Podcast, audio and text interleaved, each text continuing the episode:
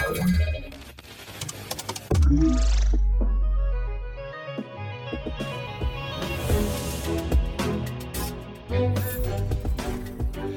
Halo, halo, tu mówi Warszawa w podcaście Cyber Cyber Fundacji Bezpieczna Cyberprzestrzeń. Witam Was bardzo serdecznie przy mikrofonie Cyprian Gutkowski. Dzisiaj cyber cyber procesowy. Cyber cyber procesowy charakteryzuje się tym, że mamy gościa. E, mamy gościa może nawet nie tylko procesowego, bo i trochę technicznego, bo jest to inżynier, inżynier z centrali francuskiej Storm Shieldsa, ale dedykowany na rynek polski.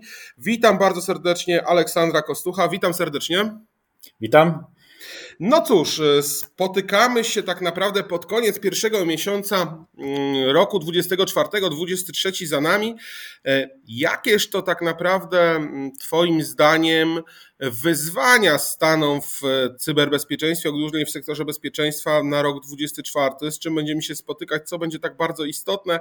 Rok 23 wydaje mi się, że minął pod względem takiego bardziej wykorzystania sztucznej inteligencji, zarówno w e, pracy zwykłej, nie wiem czy w pracy inżynierów, e, natomiast jeżeli chodzi o takie zwykłe podejście, wyszukiwanie pewnych informacji, czy syndrom białej kartki, w którym nie wiem co napisać, no to chat GPT sprawdzał się i ludzie dość sporo z tego korzystali, jak również wchodzi to do różnego rodzaju narzędzi bezpieczeństwa.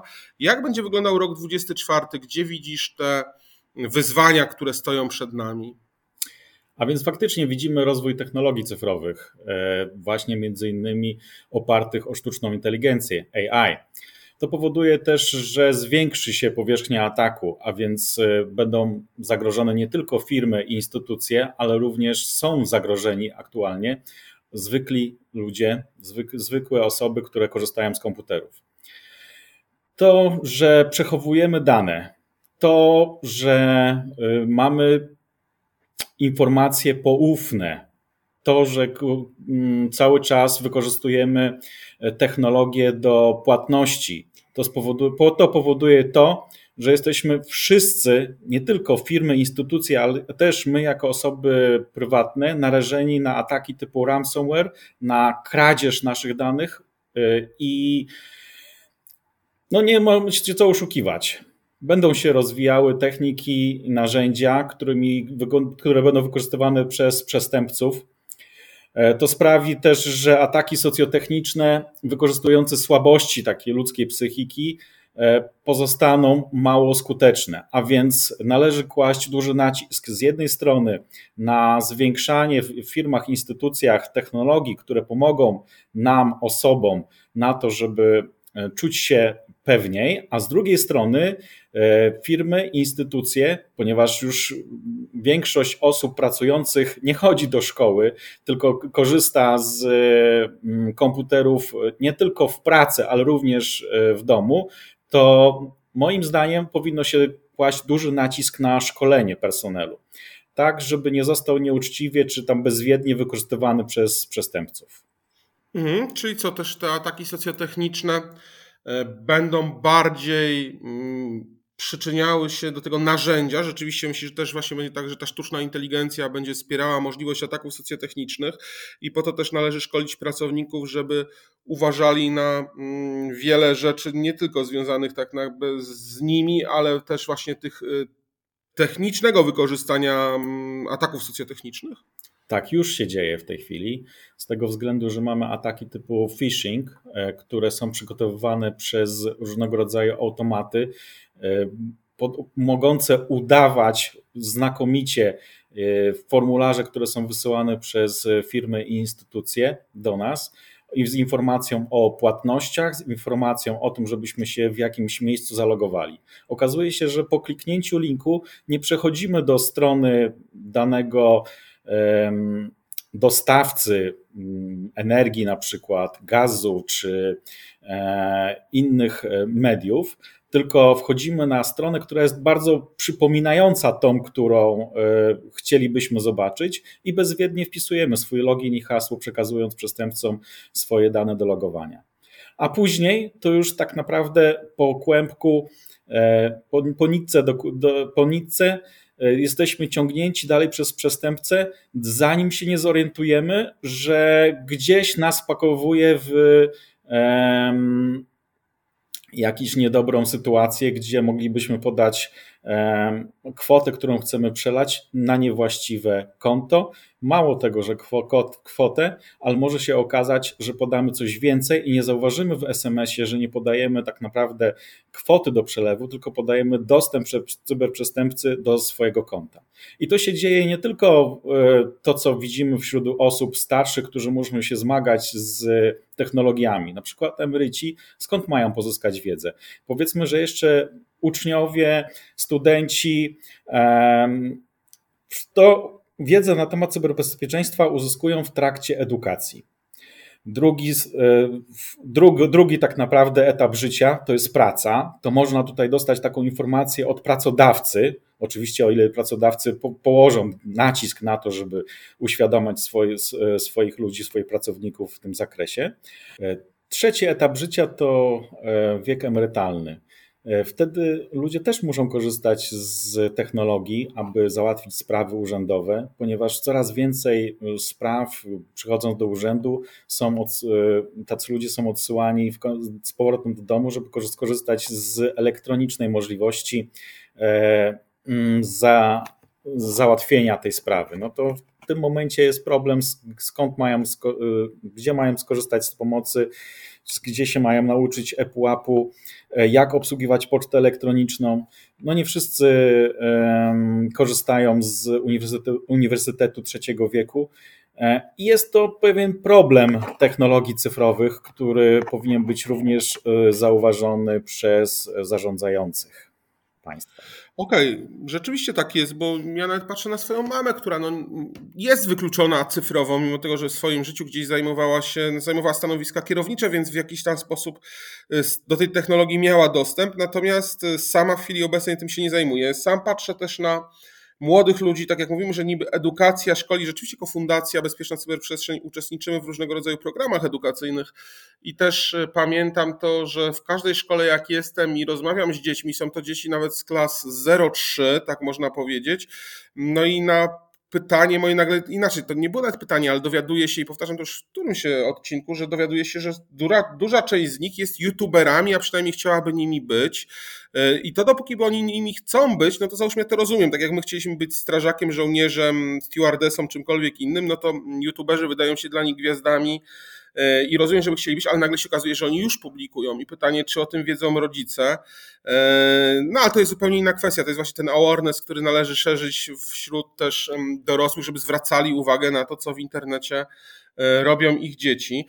Mówiliśmy o tym, że mm, tak naprawdę czy pracodawca szkoli, no a oprócz szkoleń, cóż może dać pracodawca pracownikowi, żeby go zabezpieczyć przed tymi zagrożeniami cyberbezpieczeństwa, które na niego czekają, czy rzeczywiście sam powinien wdrażać rozwiązania, które go zabezpieczają chociażby przed tym phishingiem. Rzeczywiście możemy się spodziewać też tego spear phishingu, który będzie nastawiony na konkretną osobę, e, po to, żeby uzyskać jakieś informacje, bo on będzie dużo łatwiejszy dzięki wykorzystaniu sztucznej inteligencji. Mm, ale czy jakieś rozwiązania z, chociażby z waszego portfolio, jakieś wskazujące na to, że można, można jeszcze jakoś zabezpieczyć swoich pracowników przed tego rodzaju phishingami? Pracodawcy mają bardzo dużo możliwości, żeby zminimalizować szanse, aby ataki były skuteczne.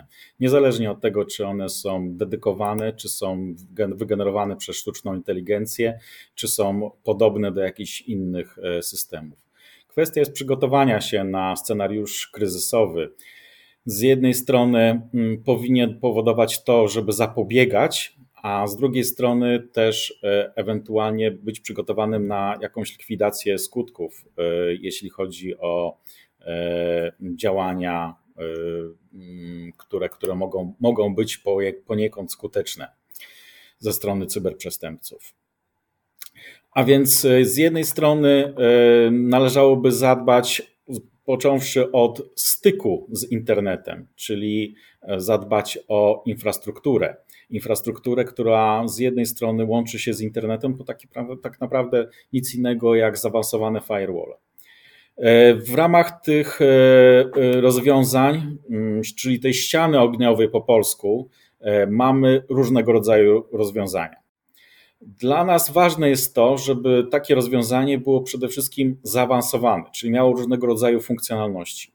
Z drugiej strony, żeby było bezpieczne, a więc żebyśmy mówili o rozwiązaniu, które najlepiej pochodzi z naszego regionu geopolitycznego, czyli na przykład jak mieszkamy w Europie, fajnie by było, gdyby producentem był, był producent e, europejski. Z drugiej strony, żeby miał rekomendacje, rekomendacje instytucji. E, tutaj taką rekomendacją może być rekomendacja Unii Europejskiej, tudzież NATO, bo e, specjalizuje się w sprawach security, a tym bardziej tutaj mówimy o cyber security. E, certyfikacje też mówią o tym, że rozwiązanie jest dobre, szyte na, na naszą miarę. E, dalej idąc, e, kiedy podzielimy e, sobie strefy pomiędzy internetem a siecią wewnętrzną, to w sieci wewnętrznej również mamy mm, segmenty. Te segmenty można podzielić albo tym samym rozwiązaniem, albo kolejnym rozwiązaniem, które będzie działało w połączeniu z tym, co jest na brzegu sieci z internetem, a tutaj będziemy mieli również odseparowanie segmentów sieci wewnętrznych a więc można wygenerować nie tylko strefę zdemilitaryzowaną, gdzie stawiamy serwery na przykład, ale możemy również wydzielić drukarki, ponieważ każda drukarka ma swój własny system operacyjny. Ten system operacyjny sprawia to, że taka drukarka jest bardzo łatwym celem ataków. Ataków z, nie tylko z zewnątrz, ale również z wewnątrz sieci taka osoba może przynieść z domu, bądź nie, być nieświadoma, że przynosi że na przykład na pendrive jakiś rodzaj um, spreparowanego malware'u. Ten malware później zaczyna sprawdzać w sieci, czy ma dostęp do jakichś otwartych systemów, jakim na przykład tak, na takiej drukarce zazwyczaj jest e, system operacyjny Linux. E, więcej, takie systemy operacyjne na takich drukarkach nie mają w większości dedykowanego hasła. No bo kto by pamiętał, jakie tam ktoś, jaki serwisant założył hasło na drukarce? To lepiej nie zakładać tego hasła. Takie jest um, czasami e, podejście. Będzie mniej problemów, bo jak zapomnimy to hasło, no to będzie problem z serwisowaniem. A przecież serwis może się zmienić, nie musi być ciągle ten sam. I w tym momencie, e, kiedy mamy takiego Linuxa na takiej drukarce, to taka drukarka łączy się zazwyczaj z internetem, ponieważ robi aktualizację na przykład systemu operacyjnego, ponieważ łączy się z producentem w celu, w celu poinformowania o tym, że zaczyna brakować tuszu i należałoby ten tusz kupić. To w tym momencie e, taką otwartą furtką staje się ta drukarka na korytarzu danej instytucji, danej firmy. No i już z tego miejsca, e, jeżeli będzie połączenie, a połączenie zazwyczaj jest szyfrowane, a więc też systemy, mm, które są e, na brzegu sieci, niekoniecznie muszą widzieć to, że jest połączenie, e, połączenie z jakimś serwerem, który może być również w Europie, nie musi to być w Chinach, nie musi to być w Brazylii gdzieś albo w Kanadzie, może to być serwer gdzieś w, w Europie, na przykład w Holandii czy w Belgii.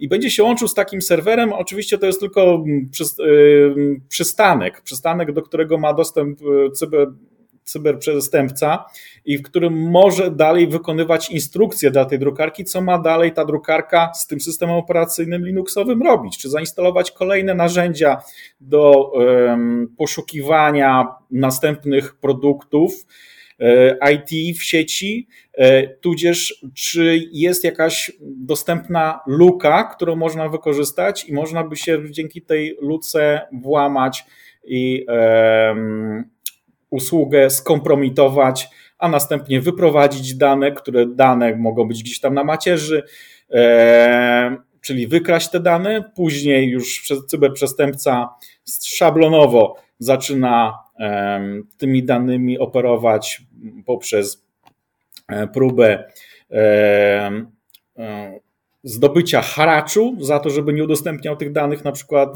gdzieś tam w sieci, bo wie, że jest RODO, rozporządzenie ochrony danych osobowych, GDPR w Europie i taki, e, taka instytucja, taki producent może mieć więcej problemów, jeżeli dane wyciekną, e, dlatego będzie go szantażował, niż to, że niż sam fakt na przykład zaszyfrowania tych danych. Tych danych. Okej, okay. No to... Opisałeś rzeczywiście taki podstawowy, to podstawowy, no już trochę bardziej zaawansowany, ale jeden z możliwych modeli ataku tak naprawdę na organizację i że to, to jest bardzo istotne wprowadzenie różnego rodzaju zabezpieczeń sieciowych, segmentacji sieci poszczególnych rzeczy, które wprowadzają firewalli. Faktycznie tak jest, ale zwróciłeś uwagę na jedną bardzo ważną rzecz, którą ja chcę trochę bardziej pociągnąć, mianowicie korzystanie tak naprawdę z pochodzenia produktu, zwracanie uwagi na pochodzenie tego produktu, zwracanie uwagi na certyfikaty, jaki ten produkt posiada, z kilku względów. Ze względów chociażby tego, że obecne prawo europejskie, unijne zmierza w tę stronę, żeby regulować te kwestie, żeby nie wpuszczać aż tak bardzo tych niepewnych rozwiązań, bo jednak znaczenie, jak widzimy od tego roku 2022-2023 ma skąd pochodzi dany produkt i tak naprawdę e, kto za niego odpowiada, kto go, kto go stworzył i posiada odpowiednie mm, pliki źródłowe do tego, do tego mm, rozwiązania.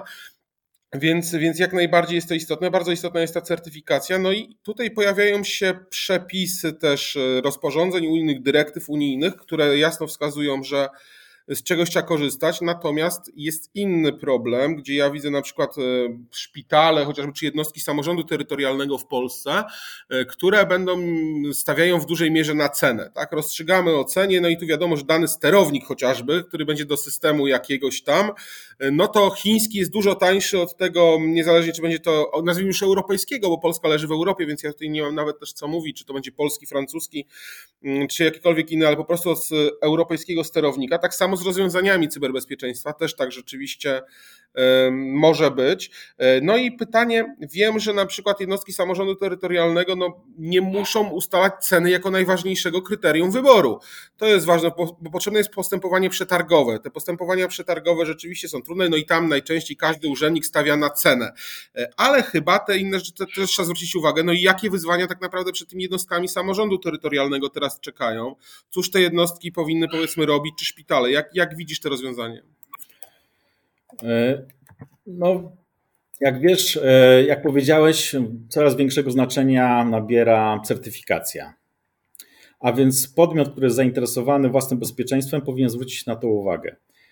E, kryterium, które może mm, dać do, do tego, żeby produkt spełniał, to na przykład minimalna certyfikacja EAL4, która powoduje to, że otrzyma rozwiązanie, na którym może polegać no bo rozwiązania cyberbezpieczeństwa są po to tworzone, żeby nas chronić. I teraz EAL4 Plus to taki poziom oceny bezpieczeństwa systemów, który jest określony przez Common Criteria, czyli międzynarodowy standard bezpieczeństwa IT. Taka ocena jest przeprowadzana zazwyczaj przez ekspertów. Ma na celu określenie, czy ten produkt na pewno nas dobrze ochroni przed atakami. E, ten produkt tak naprawdę z taką oceną 4 ma e, krytyczne znaczenie, bo, bo w tym momencie e, określa wysoką ocenę bezpieczeństwa, ocenę, która została określona przez pewne wymagania. Ten plusik dodatkowy po EAL4 to jest, można powiedzieć, że pokazuje, że są tam użyte zaawansowane mechanizmy, takie jak szyfrowanie, uwierzytelnianie, autoryzacja. E, a badanie takiego produktu zabiera zazwyczaj czas, a więc można powiedzieć, że produkty, są dawane do certyfikacji i zanim otrzymają taką certyfikację L4, mija, mija dość długi czas, ze względu na to, że ta ocena bezpieczeństwa jest e, bardzo szczegółowa. Teraz powiedzieliśmy również sobie o pochodzeniu. E, a więc pochodzenie produktu jest istotne ze względu na to, komu tak naprawdę najbardziej ufamy czy ufamy produktom, które są y, z Azji, czy gdzieś z oceanu, czy ufamy tym produktom, które są, są tutaj produkowane na miejscu. Oczywiście można się czepiać, że platforma technologiczna jest produkowana gdzieś tam na Tajwanie, a więc procesory, chipsety, y, pewne inne układy, to jest produkcja rozproszona. Ale tak naprawdę najważniejsze w tym wszystkim jest to, gdzie powstaje oprogramowanie.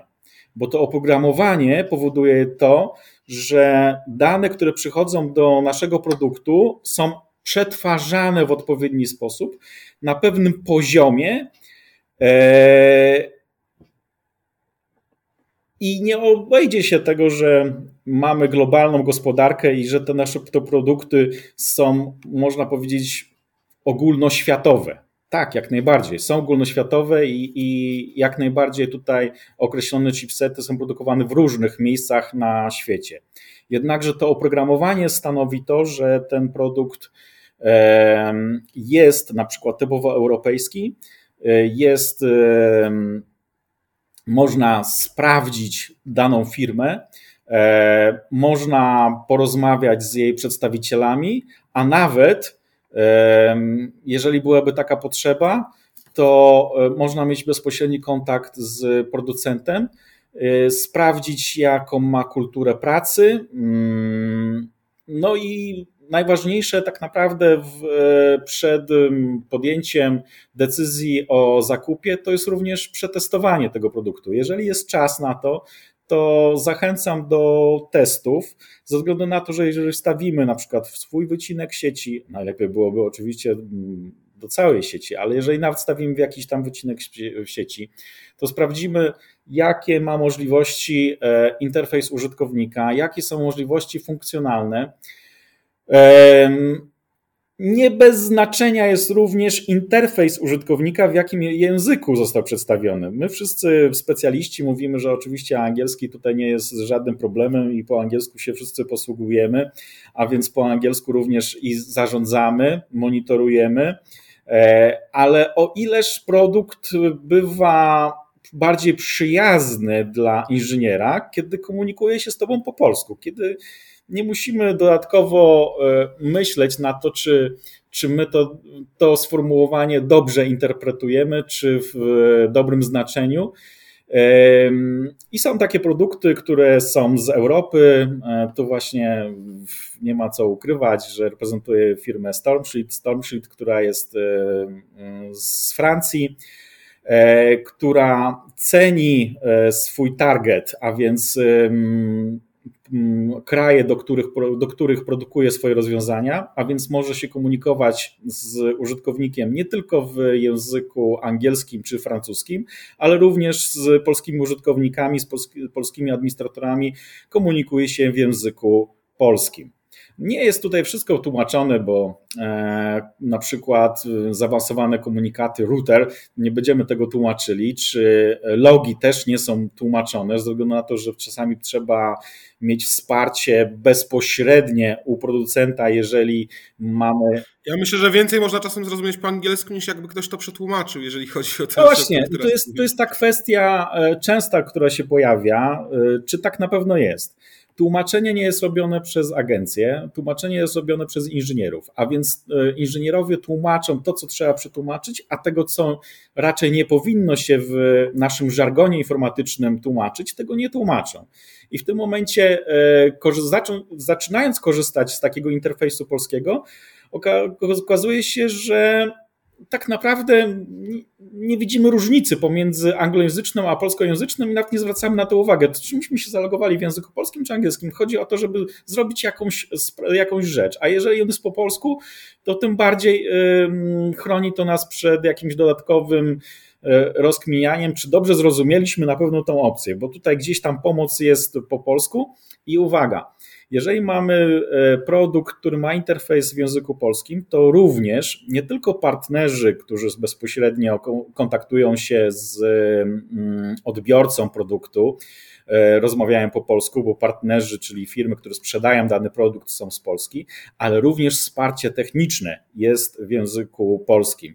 A więc tutaj. I nie dodzwonimy się do Rasheda, który nam będzie nie, tłumaczył. Nie, żadnych, żadnych Indii. Tutaj akurat produkt jest. E, ja reprezentuję firmę, gdzie e, oczywiście najwyższy poziom techniczny wsparcia to jest we Francji i on jest anglojęzyczny ale z, e, w Polsce jest również wsparcie techniczne u e, dystrybutora w firmie Dagma, Dagma, gdzie na zmianę pracują inżynierowie z bardzo wysokim poziomem certyfikacji i mówią po polsku. A więc y, zgłoszenie, które trafia do nich, z jednej strony większość rzeczy to jest na przykład, a jak zrobić to, to w tym momencie już mają gotowe procedury. Więcej, na stronie internetowej są przedstawione pewne procedury, jak zrobić to czy tamto.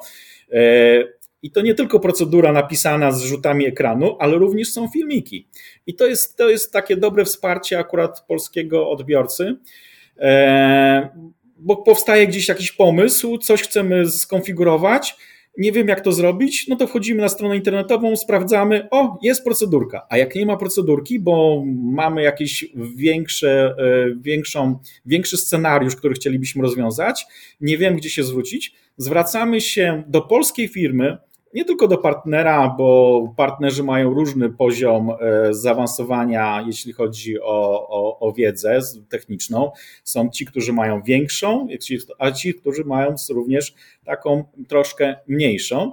Ale w każdym momencie możemy się zwrócić do dystrybutora, gdzie poziom akurat wiedzy jest na najwyższym poziomie, zadzwonić, napisze, napisać maila, no wiadomo, że czasami jest zbyt dużo telefonów, to nie wszyscy mogą odebrać od razu, więc e, łatwiej jest po prostu napisać maila i poczekać, aż się zwolni, że tak powiem, inżynier i będzie mógł się zająć nasz, nasz, naszą sprawą.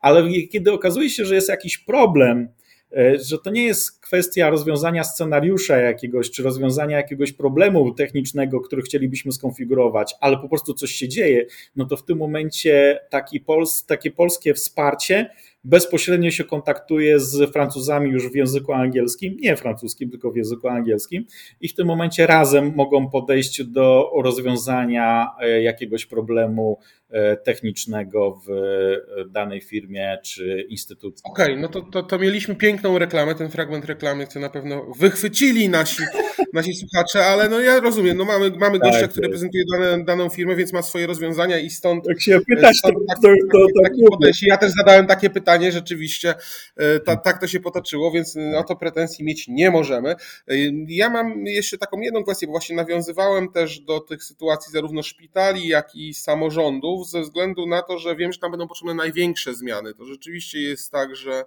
mm, te jednostki niekoniecznie są przygotowane na to, co będzie wymagały przepisy europejskie.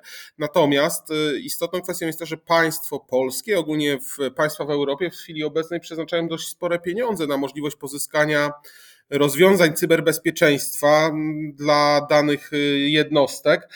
No i ten właśnie rok 24 będzie takim rokiem, w którym zaczynają i kończą się pewne projekty, tak? Czy wiesz, jakie projekty chodzi, z czego mogą te samorządy tak naprawdę na przykład skorzystać?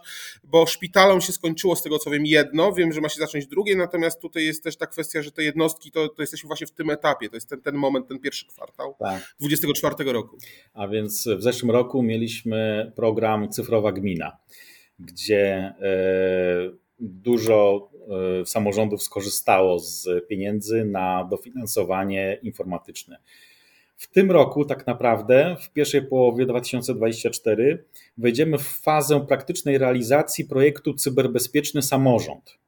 Koniec roku to było, to było wnioskowanie, a w początek tego roku i generalnie można powiedzieć, że przez cały rok to będą przetargi na zakup urządzeń, usług, które były przewidziane w ramach e, tego projektu. E, trzeba też pamiętać, że czekają nas wybory władz lokalnych, a więc z jednej strony informatycy będą mieli co robić, bo to jest prawie 2,5 tysiąca gmin w Polsce e, i tak naprawdę w ramach tego projektu Cyberbezpieczny Samorząd, kiedy można było kupić firewall, mm, kiedy można było kupić antywirusy, kiedy można było kupić dedykowane systemy security, nie będę ich tutaj wszystkich wymieniał, bo, bo świetnie akurat e, osoby, które wnioskowały, wiedzą, co, co zawnioskowały, ale trzeba sobie uświadomić to, że fakt taki, że czasami nie ma takiej wiedzy na temat cyberbezpieczeństwa wśród zarządzających podmiotami. No i wtedy takie gminy, przepraszam, że przerywam, wrócić do tego, do tego pomysłu, zamawiają komputery. No i taka była prawda, że wiele osób, że to, to, to, szło w laptopy niestety tak naprawdę, które niewiele wspólnego z bezpieczeństwem mają, a wręcz przeciwnie, tworzą konieczność kolejnych endpointów, które trzeba bronić. Więc to, to też jest apel do tak naprawdę do włodarzy gmin, do informatyków, do ludzi od bezpieczeństwa, których za wielu w gminach nie ma, ale jacyś są też na pewno nas słuchają po to, żeby wnioskowali i przetłumaczyli sekretarzom gminy, czy też samym wójtom, prezydentom miast, że jednak ważniejsze są pewne kwestie bezpieczeństwa niż to, czy rozdamy nowe laptopy urzędnikom. I pamiętajmy, że rachunek za takie błędy czy niedopatrzenia zapłacą mieszkańcy tych gmin, tych miast. E, no, generalnie ważne jest to, że nie tylko kopie bezpieczeństwa, ale ważne jest to, żeby danych chronić przed kradzieżą czy modyfikacją, a więc systemy zabezpieczeń właśnie od separowanych sieci, dobrze skonfigurowany i aktualny. A więc ważna jest wiedza również ekspercka. Przecież w ramach tych dofinansowań można skorzystać z firm zewnętrznych, z wiedzy ekspertów, którzy nam podpowiedzą, co jest potrzebne. Ważne jest to, żebyśmy patrzyli na e, total cost of ownership, a więc koszt posiadania urządzenia. A więc nie samo urządzenie kupujemy teraz, ale musimy wziąć pod uwagę to, jaki będzie koszt utrzymania go, ponieważ te, te rozwiązania, które będziemy instalowali, muszą być bieżąco aktualizowane pod kątem zmieniających się zagrożeń. No i zmieniającego się prawa, to też jest istotne, że musimy pamiętać o tym, że prawo się zmienia i zmusza nas do pewnych rozwiązań. Wchodzi NIS 2, do którego sobie pozwolę teraz przejść, dyrektywa, która będzie zwraca uwagę, no teoretycznie u nas obowiązuje ustawa o Krajowym Systemie Cyberbezpieczeństwa, ale wiadomo, że ona musi być zmieniona, bo ona nie odpowiada wymogom NISA 2, powstała na bazie NISA 1, więc teraz nowa dyrektywa unijna wskazuje pewne obszary, na które trzeba zwrócić uwagę, no i to jest właśnie bezpieczeństwo i monitoring tego tak naprawdę wszystkiego, co się dzieje. To jest dynamiczna analiza ryzyka, e, to jest zarządzanie incydentem. Te wszystkie rzeczy trzeba będzie mieć i za to odpowiadać. I co ciekawe, teraz ja poruszę sumienia, a może portfele naszych słuchaczy, że odpowiadają za to w dużej mierze teraz osoby fizyczne, to znaczy pełniące stanowiska, czy to w zarządach, czy odpowiadające bezpośrednio na stanowiskach dyrektorskich, zarządzających danymi działami w organizacjach. Więc tak naprawdę, mm, bo będzie mogło zostać nałożone na firmę kara, która będzie wynikała tak jak w RODO, bo to są te 10 milionów euro, te, te kwoty dokładnie takie same jak w RODO, natomiast tam będzie jeszcze wskazanie osoby, która odpowiada za to, że doszło do zaniedbania i te, dzięki temu firma będzie, czy organizacja będzie mogła mieć regres od tej osoby zwrotu tych pieniędzy, no bo ona zawiniła. W związku z tym to możemy próbować od niej ściągnąć pieniądze już na gruncie prawa cywilnego za karę, jak również też rozważa się możliwość prowadzenia takich kar poza karami pełnienia pewnego stanowiska, które są wprost przewidziane w dyrektywie, również kar finansowych nakładanych na osoby, które będą odpowiedzialne. Więc y, mówię tutaj apelując do, do sumieni wszelkich, jak również i do portfeli, że to też też teraz będą osoby odpowiadać za to tak naprawdę, jak są zarządzane te y, jednostki, te, te, te podmioty, które wejdą w zakres dyrektywy NIS-2, a zakres dyrektywy NIS-2 jest bardzo szeroki, o czym posłuchacie w wielu naszych podcastach wcześniejszych, także gorąco zapraszam. Ja generalnie nie chciałbym mówić o całym NIS-ie dwójce, z tego względu, że na innych częściach podcastu też może, możecie posłuchać. Ja chciałbym zwrócić uwagę na to, że E, również w cyberbezpiecznym samorządzie można było wnioskować o systemy, które pomogą nam wejść w NIS-2. Miasto to nie tylko administracja, ale to również ciepłownia, to również wodociągi.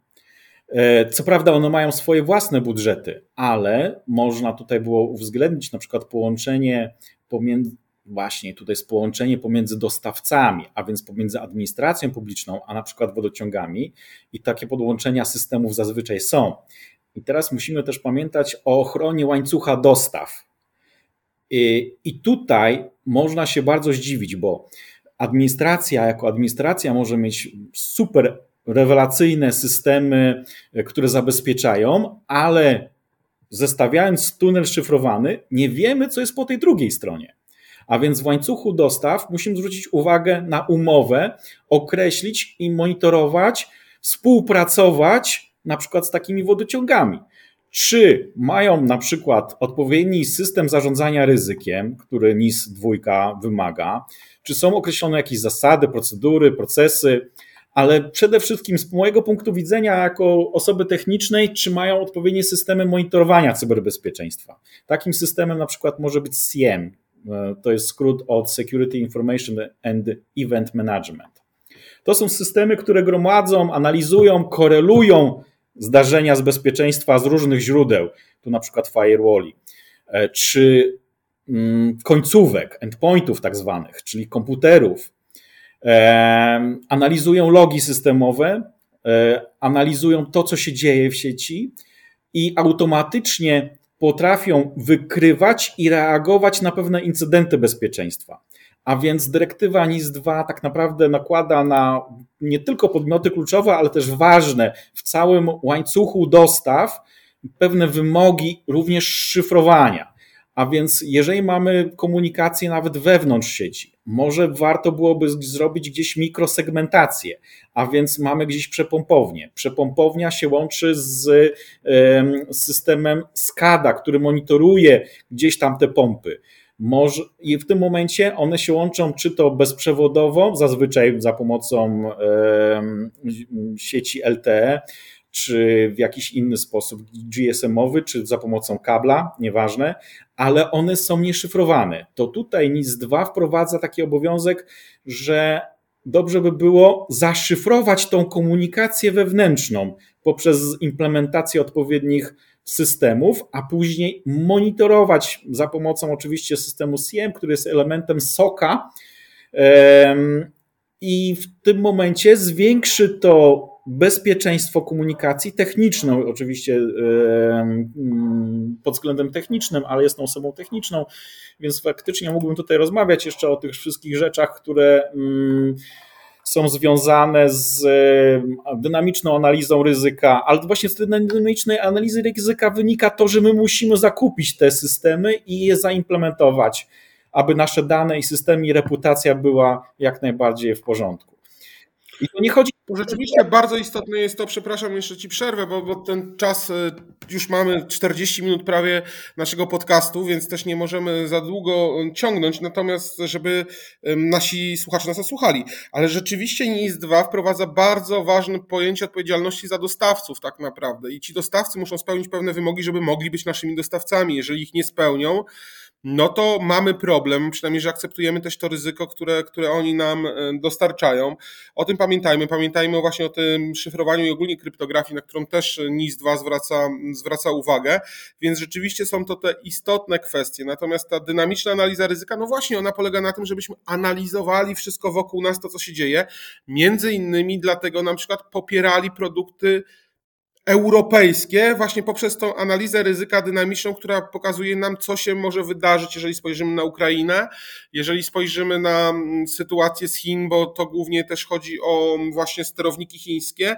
Nigdy nie wiadomo, co w nich siedzi, yy, jak to tak naprawdę działa, bo one nie są badane w laboratoriach, a na pewno nie są badane w laboratoriach europejskich, co, bo cóż nam z chińskiego certyfikatu. Mm, także no, zwracajmy właśnie na to wszystko uwagę. Wydaje mi się, że to bardzo, bardzo istotny element i ten NIS-2 troszeczkę poprawi w tym aspekcie bezpieczeństwa, no ale zobaczymy.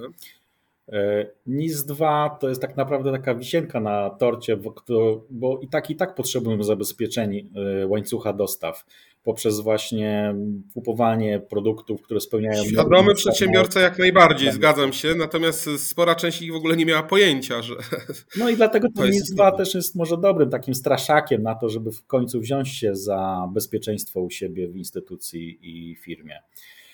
E, gdzie ważnym elementem jest nie tylko polityka bezpieczeństwa, nie tylko polityka udostępniania danych na przykład, ale również tego, czy mają wdrożone odpowiednie systemy, takie jak firewall, jak szyfrowanie, jak um, separacja danych.